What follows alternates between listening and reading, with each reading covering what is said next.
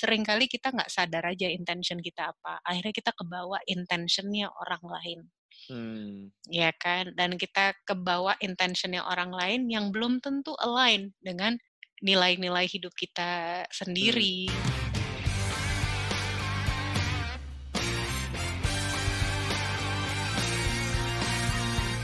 Hai teman-teman, welcome to Follow Your Flow.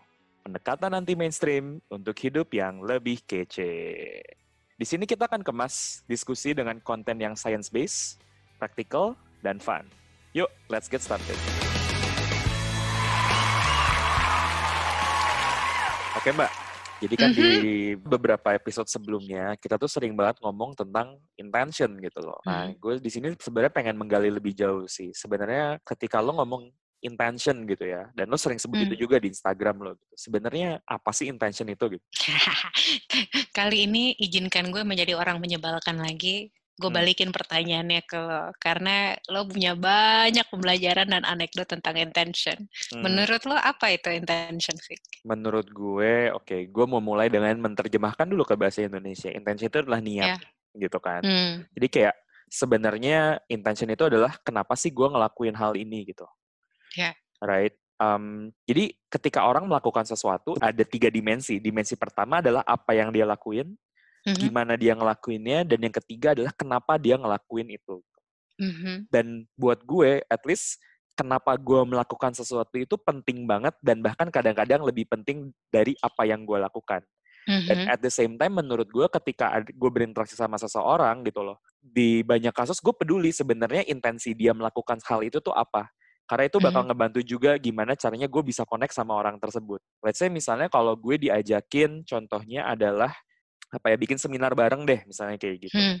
Terus tuh kayak gue penasaran banget sebenarnya orang ini pengen bikin seminar tujuannya apa gitu loh. Hmm. Apakah dia pengen knowledge sharing ataukah misalnya dia memang lagi pengen make money atau dia lagi pengen mengejar popularitas atau Mhm. memang kayak lagi pengen latihan public speaking banyak banget kemungkinannya di sini gitu loh Mhm. dan gue akan bisa lebih menolong orang lain dan menyesuaikan diri ketika gue tahu sebenarnya tujuan dia apa gitu Dan jujur tentang tujuannya kan. benar Karena sering kali kalau satu kita nggak sadar niatnya apa, benar dua kita nggak jujur tentang niatnya. Jadi kayak ngomongin contoh public speaking yang Hmm. diomongin, oh kenapa lo melakukan hal ini? Terus jawaban yang keluar adalah, oh karena gue pengen share ilmu ini ke seluruh dunia. Jawabannya cantik banget, cantik banget. Hmm. Tapi lo akan ada merasakan gini, kok kayak nggak berasa otentik ya? Hmm. kayak lo bisa merasakan kayak kok kok kayak kayak kayak kok gue nggak terlalu percaya dengan jawabannya gitu ya kan kita sering ketemu orang ngobrol saya kena kok kayak rasanya kurang selaras gitu Hmm. dan itu terasa Ya. terasa sedangkan kalau orang itu datang bilang kenapa lo melakukan seminar ini terus jawabannya gini karena gue pengen lebih terkenal jadi Hmm. makanya gue pengen gitu kan gue yakin orang lebih respect sih gitu Hmm. kan oh ini Hmm. orang berani jujur gitu jadi Iya. Ya, jadi intention itu bukan tentang baik atau jelek, Hmm. bukan benar atau salah ya kan. Saat Hmm. ini kita udah Hmm. kita nggak ada benar salah baik buruk. Tinggal ya lo jelas atau seberapa jelas aja intentionnya. Bener sih. Dan menurut gue tadi poin yang penting banget bahwa sebenarnya yang penting intention itu pertama adalah clear dulu dan yang Mhm. kedua tuh align apa enggak gitu loh. Apalagi ketika Yes. kita dealing sama orang lain. Karena menurut Mhm. gue kecuali intentionnya bener-bener kayak menyakiti orang yang kayak wah Mhm. gue pengen ngebunuh orang gitu loh. Bahkan menurut Hmm. gue ya ini agak kontroversial tapi tergantung nih dia mau membunuh tuh tujuan dia membunuh orang ini apa gitu loh. Kalau misalnya ternyata keberadaan orang ini ini tuh menyengsarakan satu juta orang, mungkin membunuh orang ini adalah intensi yang tepat. Jika Mhm. intensinya adalah supaya satu juta orang lain itu tidak menderita gitu loh. Mhm, Gitu. Makanya mhm. sebenarnya gue ngerasa bu- makin ke sini tuh intention bener-bener black, nggak se-black and white itu gitu loh. Mhm, mhm.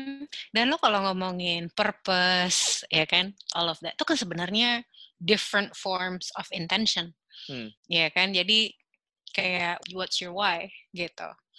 Em, yang menarik, Hmm. Lo ngomongin science kenerdian intention. Boleh? Jadi kalau belajar quantum fisika, fisika kuantum, quantum Oke. physics, oke. Oke. Jadi sel kita terkecil itu adalah elektron, Hmm. oke. Hmm. Yang menarik itu elektron itu bisa punya dua bentuk. Bisa Hmm. bentuknya wave, wave, Hmm. wave itu apa? Gelombang, Gelombang. atau bentuknya partikel. Hmm. Oke. Hmm. Yang menarik adalah ketika tidak ada yang memperhatikan, ketika manusia itu tidak memperhatikan elektron itu, dia Hmm. bentuknya wave, Hmm. bentuknya gelombang. Hmm. Tetapi begitu diperhatikan, dia menjadi partikel. Hmm. Dan itu sampai bilang, oh kalau lo memberikannya intention, dia bisa berubah menjadi partikel. Hmm. Another thing yang menarik, lo nggak perlu ngelihat di depan lo. Jadi anggap aja partikel ini ada kita di Indonesia, partikel ini ada di Amerika. Hmm. Lo butuh memikirkan aja, memikirkan partikel ini ada di Amerika. Elektronnya berubah menjadi partikel. Hmm. Gitu kan. Itu bagi gue mind blowing. Hmm. Sampai gue nggak tahu, pasti udah banyak yang dengar tentang riset yang kalau apa namanya em, partikel air atau es, ya kan? Lo Hmm. mau ngomongin intentionnya yang baik atau buruk atau nggak diapa-apain, bentuk mikroskopik dari air itu akan sangat berbeda. Kalau dikasih yang Ah. intention yang baik-baik kayak I love you, I care about you, gue sayang sama lo gitu kan, mikroskopik itu kan cantik banget gitu kan.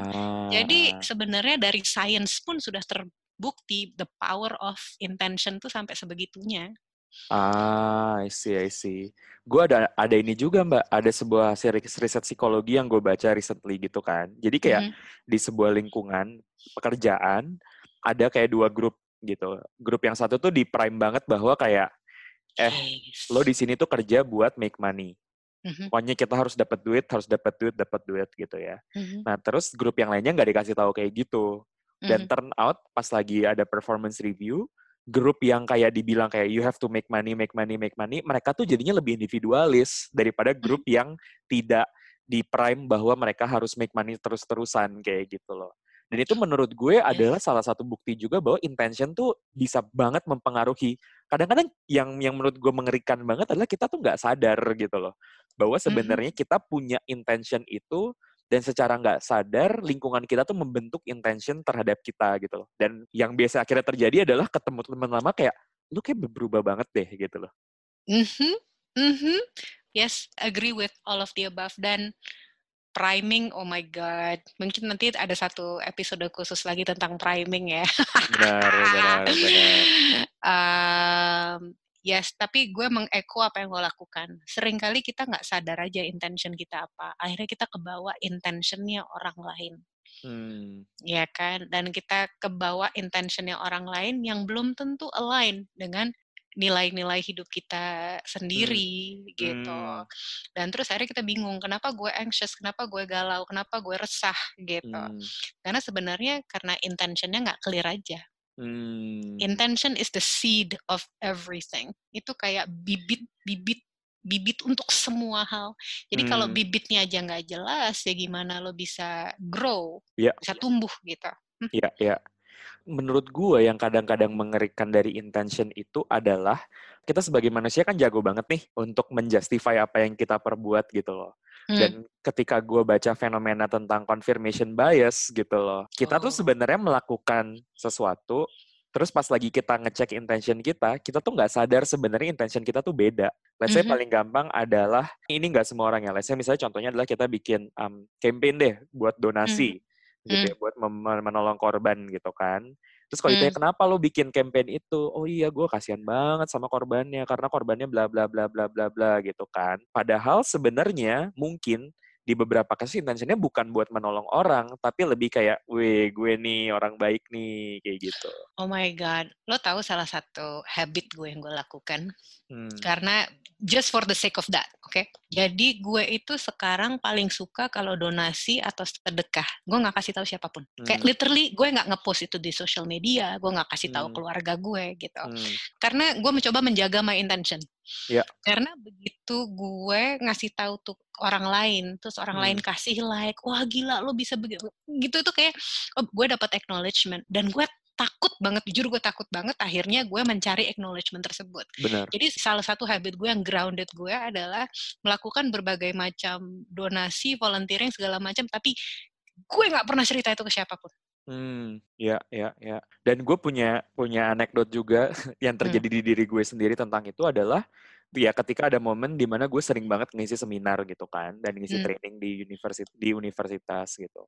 Terus tuh kayak awalnya gue ngelakuin dengan intention bahwa oh ya gue pengen give back lah, gue pengen ngebantu uh, teman-teman mahasiswa supaya lebih siap ke dunia kerja gitu loh. Tapi ada satu momen di mana gue sadar dan gue mulai ngerasa bahwa ini intention gue udah masih pure nggak ya? Ini hmm. tuh kayak gue emang beneran mau menolong mereka atau sebenarnya gue mulai mengejar popularitas gitu loh. Hmm. Dan ketika gue sadar bahwa wah kayak gue belum bisa nih ngebedain ini dua-duanya, kayaknya gue mendingan selektif banget gitu loh. Gue cuma hmm. ngambil apa ya job yang di mana gue beneran bisa yakin bahwa tujuan gue tuh adalah emang mau give back gitu. Karena sebenarnya yeah. mungkin gue sama-sama ngelakuin hal yang sama ya, tapi gue ngerasa itu halnya bakal ada perbedaan-perbedaan yang subtle banget, hmm. tapi mungkin orang bisa sadar gitu loh. Yeah. Simple kayak misalnya daripada gue ngejelasin cerita tentang orang lain, gue malah hmm. ngejelasin cerita tentang diri gue sendiri gitu loh di mm-hmm. seminarnya.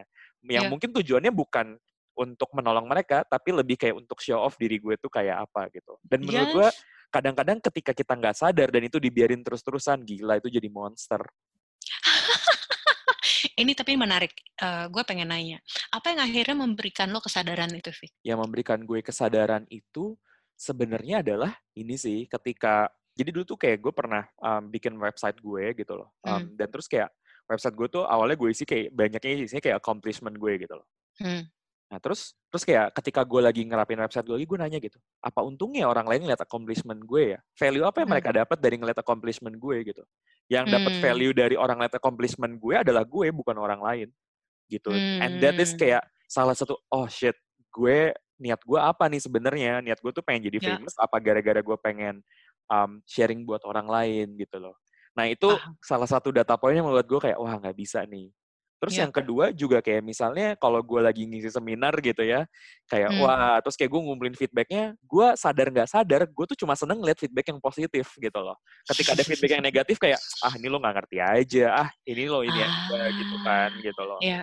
Dan ditambah kan balik lagi lo juga sering ngisi seminar kan. Dan kayak kadang-kadang yeah. orang yang ngisi form itu memang orang yang suka sama kita gitu loh. Orang yang gak mm-hmm. suka sama kita bahkan gak ngisi form. Dan karena mereka saking keselnya gitu loh.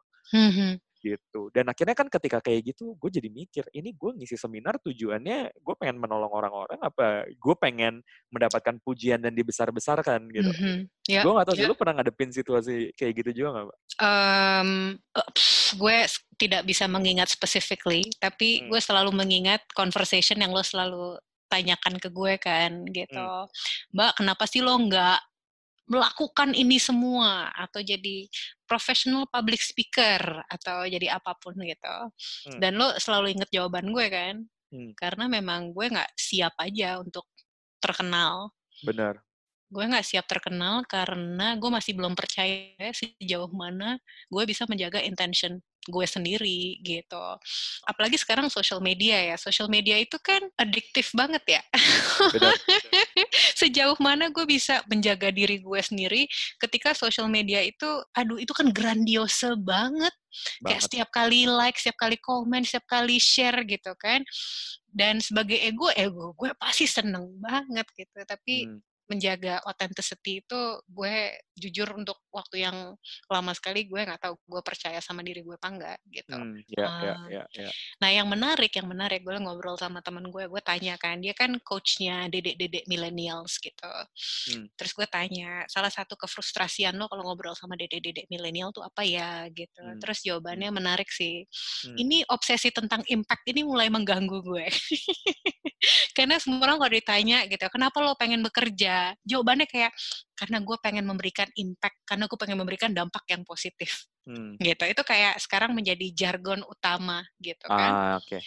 Terus gue bilang, well, gak ada yang salah kan tentang untuk memberikan dampak positif. Benar, gak ada yang salah kak. Gitu. Bener.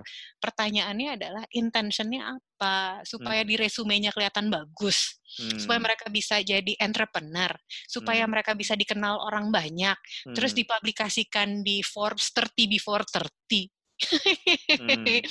gitu kan. Jadi ya itu dia lo pengen nolong orang pengen berdampak positif karena hasil diri lo sendiri yeah. gitu kan karena niatnya memang di situ yeah. atau karena emang ikut-ikutan orang lain dan itu yang lagi tren dan lagi keren gitu. Hmm. Hmm. Ya ya ya ya ya. Wow. Nah, terus Mbak apa nih kira-kira apa ya kayak micro step yang bisa dilakuin gitu loh supaya kita ini bisa apa ya mulai dari menyadari intention kita gitu sampai kita setting the right intention for ourselves? Um, lo, lo tahu kan jawabannya lo nggak akan suka ya latihan. Latihan ya. Apa nih latihannya Dan, nih? Latihan. Latihannya adalah untuk setiap hal, setiap hal. Mungkin satu Hmm. hari satu aja, mulai dari Hmm. satu. Eh, tapi untuk satu hal yang lo mau lakukan, setiap kali lo melakukan, tanya aja, what is my intention here? Niat gue apa di sini? Hmm. Even ketika lo mandi, gitu kan, kita mikirin kalau mandi itu kayak nggak perlu niat kan, kayak mandi ya mandi aja, Hmm. gitu kan, kayak apa maknanya kalau gue Hmm. butuh setting intention mandi? Benar. gue akhirnya mandi bagi gue sekarang itu salah satu proses yang sacred karena intention gue gue seharian bisa sibuk bisa distracted dan segala macam Hmm. tapi mandi my intention setiap kali gue mandi adalah be 100% present Hmm. karena lo tahu kan present tuh susahnya setengah mati kan being Hmm. mindful jadi Hmm. kalau gue dalam hidup gue 24 jam gue nggak bisa mindful di titik yang paling tinggi gue Hmm. pengen setiap kali gue mandi itu titik mindfulness gue tertinggi that's Hmm. number one mindfulness practice buat Aristi Widya Bramantika gitu jadi terus kayak misalnya kita mau bikin podcast ya kan Hmm. kayak rekaman sama Hmm. kan kita tanya oke niatnya apa nih Fik Hmm. gitu beneran niatnya apa gitu kan Hmm. dan eh, bertanya itu aja tanyakan ke diri sendiri yang lo sebutkan ini niatnya itu niat yang paling jujur atau bukan Iya. karena kalau emang niat lo pengen terkenal nggak apa-apa beneran kayak nggak apa-apa ini bukan Hmm. masalah judgement gitu kan kalau emang niat lo pengen terkenal ya jujur aja gue Hmm. beneran pengen jadi terkenal Hmm. Yap. Yap. Yap. Yap. gitu. Nah, tapi namanya power of universe. Ketika niat lo itu lebih banyak memberikan value ke orang lain, Hmm. niat itu bibit itu tumbuhnya akan lebih cepat dan lebih berbunga Hmm. dengan indah. Hmm. Gitu. Itu aja. Ya, ya, ya, ya, ya. Itu make sense banget sih.